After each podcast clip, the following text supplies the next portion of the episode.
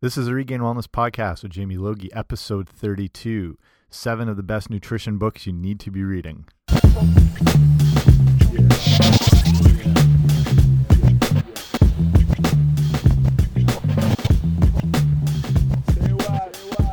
Hey guys, what's happening? Welcome back to the podcast. This is the 32nd episode of the Regained Wellness Podcast. My name is Jamie Logie. I run regainedwellness.com. If you haven't been over there, head on on over and you can see everything I've got going on there with other podcasts, tons of blogs, guides, everything. I just put out my new ebook called Taking Back Your Health and thought that this would be a good episode to talk about some other great health books that have really influenced me and that are some of my go tos. And so, with this release of this book, I've put in a few different packages. You can buy it on its own. I'm, i did a full audio book version of it. You can get that as a package together. There's a few different combinations. So if you want to check that out and the whole rundown of it, it's just regainedwellness.com slash book, and you can see everything there. So the whole point of the book is to provide you with as much information as possible. And the more educated you are on all various nutrition topics, the better decisions you'll be able to make when it comes to your nutrition and your wellness. You'll be smarter, you'll be more informed. And the books I'm focusing on today, too, are, in my opinion, some of the top books you should be reading. If you're looking for some new um, materials and new resources, I'm going to give you a rundown here of seven of my favorites. So these are in no particular order. And I'll put links in the show notes to all these books and my own book if you want to check that out um, you know, where you can get them Amazon, everything like that. So today, anything I talk about will be regainedwellness.com slash 032, and that'll be all those show notes of anything I mentioned today. So the first book is by a guy named Michael R. Eades, and it's called Protein Power. And as the title states, this book focuses on protein and why it is the ideal substance for the body and that it keeps blood sugar under control and it does not create a hormonal response like sugar or refined carbs would. So Dr. Eades points out how the overconsumption of sugar and refined carbohydrates are leading us to the what he calls the deadly diseases of civilization, such as heart disease and diabetes, things that never really existed before until this kind of this last century. So sticking to protein and vegetables will not cause the hormonal changes in the body that can lead to these diseases. So the book encourages you to not be scared about consuming things like beef and eggs and butter and things like that, and how the common knowledge of the dangers of saturated fat are really incorrect, and ultimately that fat does not make you fat.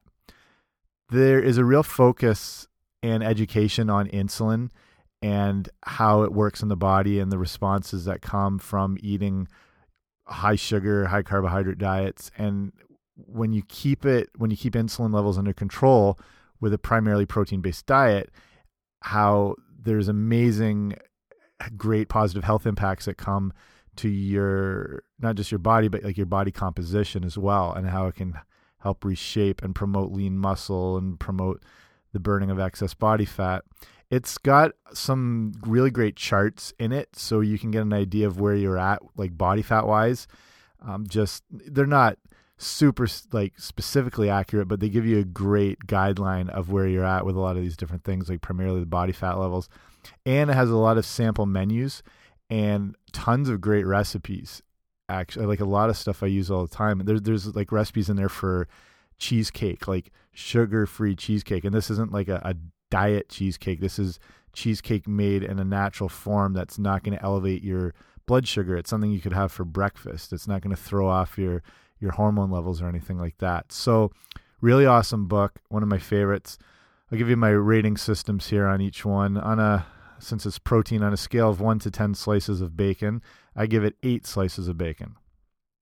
Next book is a again these are no particular order, just the, my top 7 favorite here this is a newer book that came out within this year, I believe. Well, 2014, like mid 2014, by a person named Denise Minger. And if you don't know about Denise Minger, she runs a really successful blog called rawfoodsos.com. And she's pretty famous for debunking a thing called the China study If you haven't heard of the China study, it was uh, this big study that came out years ago that claimed a non-vegan lifestyle led to cancer and death. And this is a huge whole topic and it's got a lot of moving parts to it. So you can read. I'll link up um, some of Denise's stuff here. Basically, she showed how all the data was interpreted wrong and how there people don't need to be afraid of meats and proteins and animal you know animal proteins and everything like that. So the but the book she wrote is called Death by Food Pyramid, which is was desperately needed to be written and Denise is probably one of the most thorough researches you will ever see with how deep she goes into stuff and the idea in Death by Food Pyramid, pyramid is it's shedding light on how, like the China study, a lot of incorrect and shoddy science has led us to current mindsets, especially regarding saturated fat and heart disease and things like that.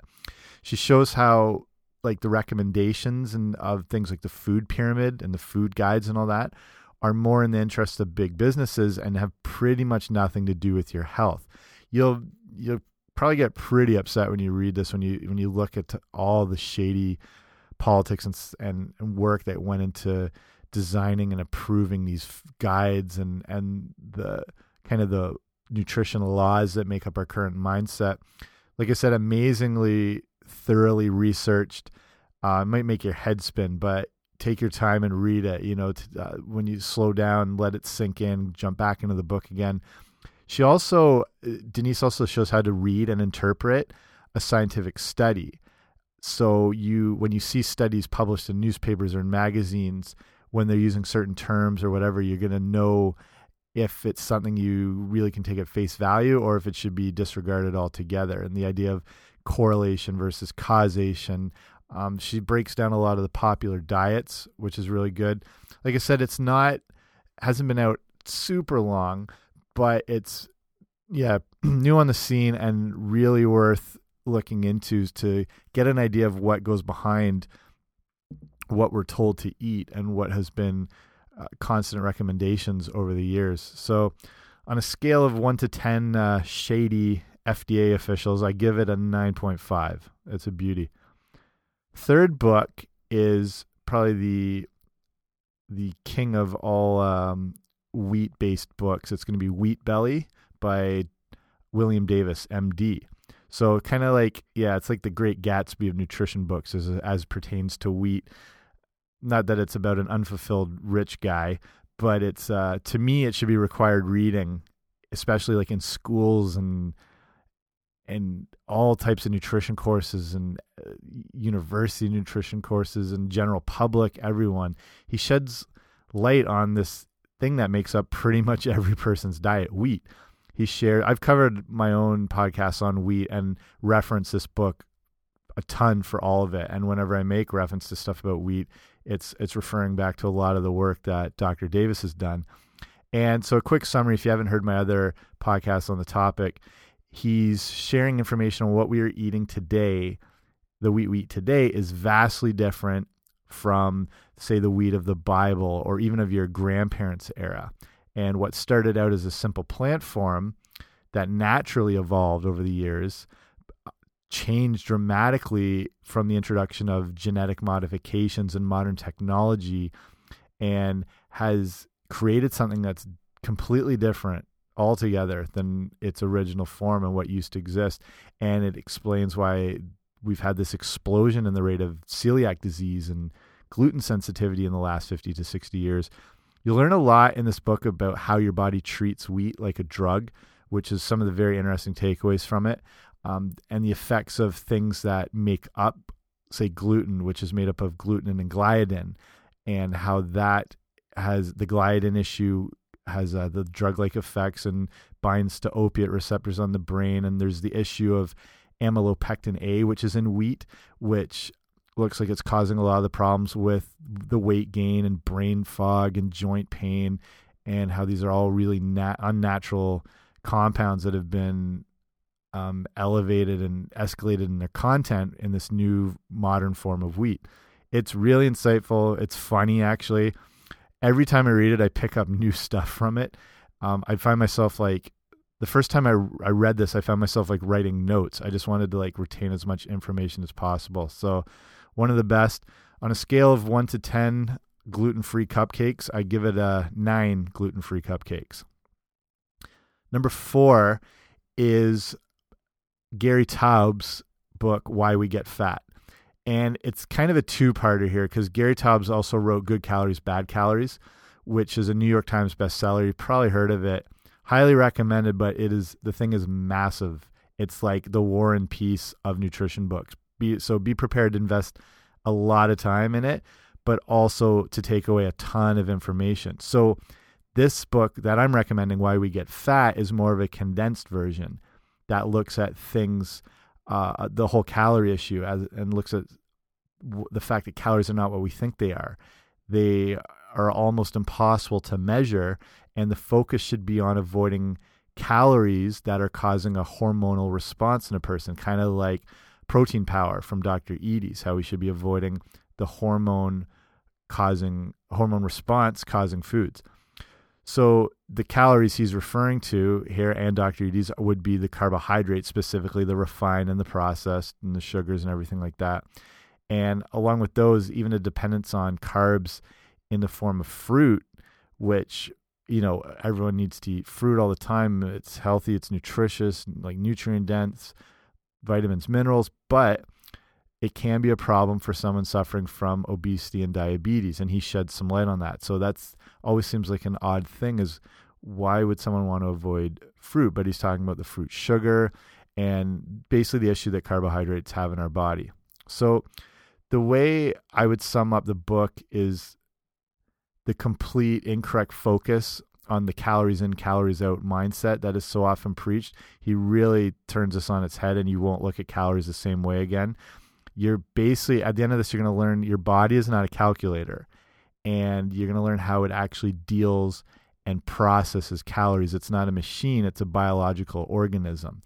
And it really gives you a good understanding of how your body is working when it consumes food so yeah awesome book on a scale of 1 to 10 uh, kilojoules which is the, the the real measurement of calories i'll give it 9 kilojoules here Next book is Goodnight Moon by Margaret Wise Brown. Just kidding. Okay, next book is Primal Body, Primal Mind by the brilliant Nora Gedgaudas. And the official title of this book is Primal Body, Primal Mind Beyond the Paleo Diet for Total Health and a Longer Life. And if you don't know Nora Gedgaudas, look her up, read all her stuff, watch her YouTube videos. She's a human encyclopedia you know if you like, if you already know her, you know how insightful and knowledgeable she is. Um, in this book, she's taking a real look at the ancestral diet issue and not just the idea of paleo, but how as our diets changed, we as a species started to decline when we moved away from more of a hunter gatherer diet and more into an agriculture age our our bodies decline and, and we changed as a species and everything like that. She reveals the dangers of a modern diet and how rapidly our health began to deteriorate. It's kind of shocking when she lays out the whole thing of how we slowly started to break down when modern foods are introduced. It, it stresses how the book stresses how we are programmed for a higher fat diet and in and turning away from this we've developed again what like we said earlier the diseases of civilization this statement keeps popping up in all these books such as uh, heart disease obesity diabetes cancer osteoporosis everything after reading this the you, you you'll probably be quick to ditch um, things like soy dairy grains gluten um, bad starchy vegetables it, it really i don't know this is might be my favorite book personally overall, just because it really changes your way of how you see yourself as a human being and how we've um, become what we are, and again how our bodies work and how they're not um, designed for these modern foods that you can't even call foods. Um, yeah, one of my favorites on a scale of one to ten Brontosaurus burgers, I give it a, I give it ten Brontosaurus burgers. It's awesome moving into this um, topic is going to be talking about primitive diets. It's going to be the great works by Weston A. Price called Nutrition and Physical Degener Degeneration. Um, this is kind of like the origin of the species of nutrition books, and you could compare Weston A. Price to Charles Darwin, like he's the Charles Darwin of nutrition. If you're, I've covered Weston A. Price in another show. I'll link that up if you want to listen to it. But the quick rundown, if you're not familiar with Weston A. Price, is he was a dentist that lived in the 1930s. After noticing the children of his patients developing teeth and gum issues that their parents had never experienced, he began to investigate how diet might have affected this. So this led Price on a 10-year, 100,000 mile journey to some of the most remote regions on the planet. So he looked at all these primitive societies to see what a true diet really looked like. And since he was a dentist, he studied the teeth, the gums, also their physical makeup eh, of the of these people and he found that with the introduction of modern foods, they were starting to experience the diseases of modern society. So thousands of years of their set diets were now being undone in one generation. And he's got, you know, pictures of all of these of the different tribes people he met and showing their teeth and in their perfect state. And then the the new generations that have had all these new issues and their gum problems and the their teeth going all over the place like and you just you can't believe the damage that is done by the modern foods in that short period of time. It's an amazing insight. This book is awesome. Not too long. It's pretty easy to read. Just an amazing insight into an incredible voyage around the the world in the early days of transportation and into areas that are still difficult to get to today. Like he's in the Arctic, he's in the Australian outback, he's in remote Swedish villages in the mountains he's in the south pacific like he's in every little corner of the globe. And like this this journey would be staggering even today. And this is in the 30s that he did it. So to me one of the real required reading readings and books if you're new to getting healthy if you're trying to change your your nutrition your wellness your health everything this is one of the required readings. Um, on a scale of 1 to 10 impacted molars, I give it 10 impacted molars on the Weston A Price ranking scale. And the last one I'm going to finish with here today is the famous paleo diet book by Loren Cordain, which is called The Paleo Diet Lose Weight and Get Healthy by Eating the Foods You Were Designed to Eat. You can see a theme here through all these books. Hopefully, you've noticed it. If you're listening to this podcast, um, safe to say you have an interest in nutrition and your health and your wellness. And we've covered it on here. You've probably heard of. I've already mentioned already the paleo diet. And I'm sure you've heard of it. If you haven't, you probably know a little about it, or you might consider yourself an expert on it. There's a ton of books on paleo. Now is you know paleo for your dog, paleo. Eh, it goes everywhere. I don't know if those are out yet, but I'm sure they're not far off. Loren Cordain wasn't the first to write about paleo, but he really got the ball rolling with a little more interest in the movement. He's has a PhD in exercise physiology, and like these last few books and the themes I'm showing you running through here, it's how we need to revert back to more of a primitive way of eating, more of a whole foods approach. The foods we have access today are completely unknown to our bodies, and our focus must be to return to a real food diet with emphasis on proteins and fats, but healthy proteins and healthy fats from true natural sources. Book this book's a very strong reminder again about the diet being or bad diet being the root of modern diseases, you know, the cardiovascular disease, the autoimmune disease, acne, hyperinsulinic diseases, everything like that. It's a good base of knowledge if you're considering the paleo issue or if you're opposed to it. This will get you up to speed with everything. So, and he covers a lot of um, newer, even though this book was written, written a little while ago, it, it covers a lot of information that is still incredibly relevant here in 2015, like very current. So, so whatever side of the the paleo issue you fall on, this is again going to be, in my opinion, required reading because it's kind of one of the classics of um, the one of the big eating movements of of our time right now. So, on a scale of uh, one to ten, Captain Cavemans for paleo, I give it uh, I give it nine Captain Cavemans. So, what do you think? How do those sound? Hopefully, good. These are these are some of, like I said, go to books. Like should be considered crucial reading for anyone wanting to get healthy, wanting to get fit, they want to get on top of their nutrition. If you've read any of these before, you already know you might want to jump back into them, or there's some uh, new ones you hadn't heard of that encourage you to check out.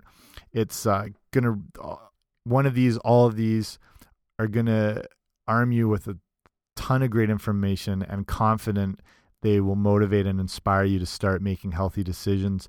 If you want to check my book out too, at regainedwellness.com slash book. It's called Taking Back Your Health. I cover a wide range of topics so you're like i said you're armed with as much knowledge as possible so i have chapters just on gluten and chapters on paleo or sugar about artificial sweeteners uh, the issue with fat why you need sleep the importance of water and easy to read and goes right th uh, through all these different topics so that's the idea with this show with my book with these books with my blog is to give you as much information as possible to help you make the best nutrition decision for your health and your family's health and anyone you value and who is important to you with their health. The more knowledge you have, the better decisions you can make. And that's the whole idea behind all this.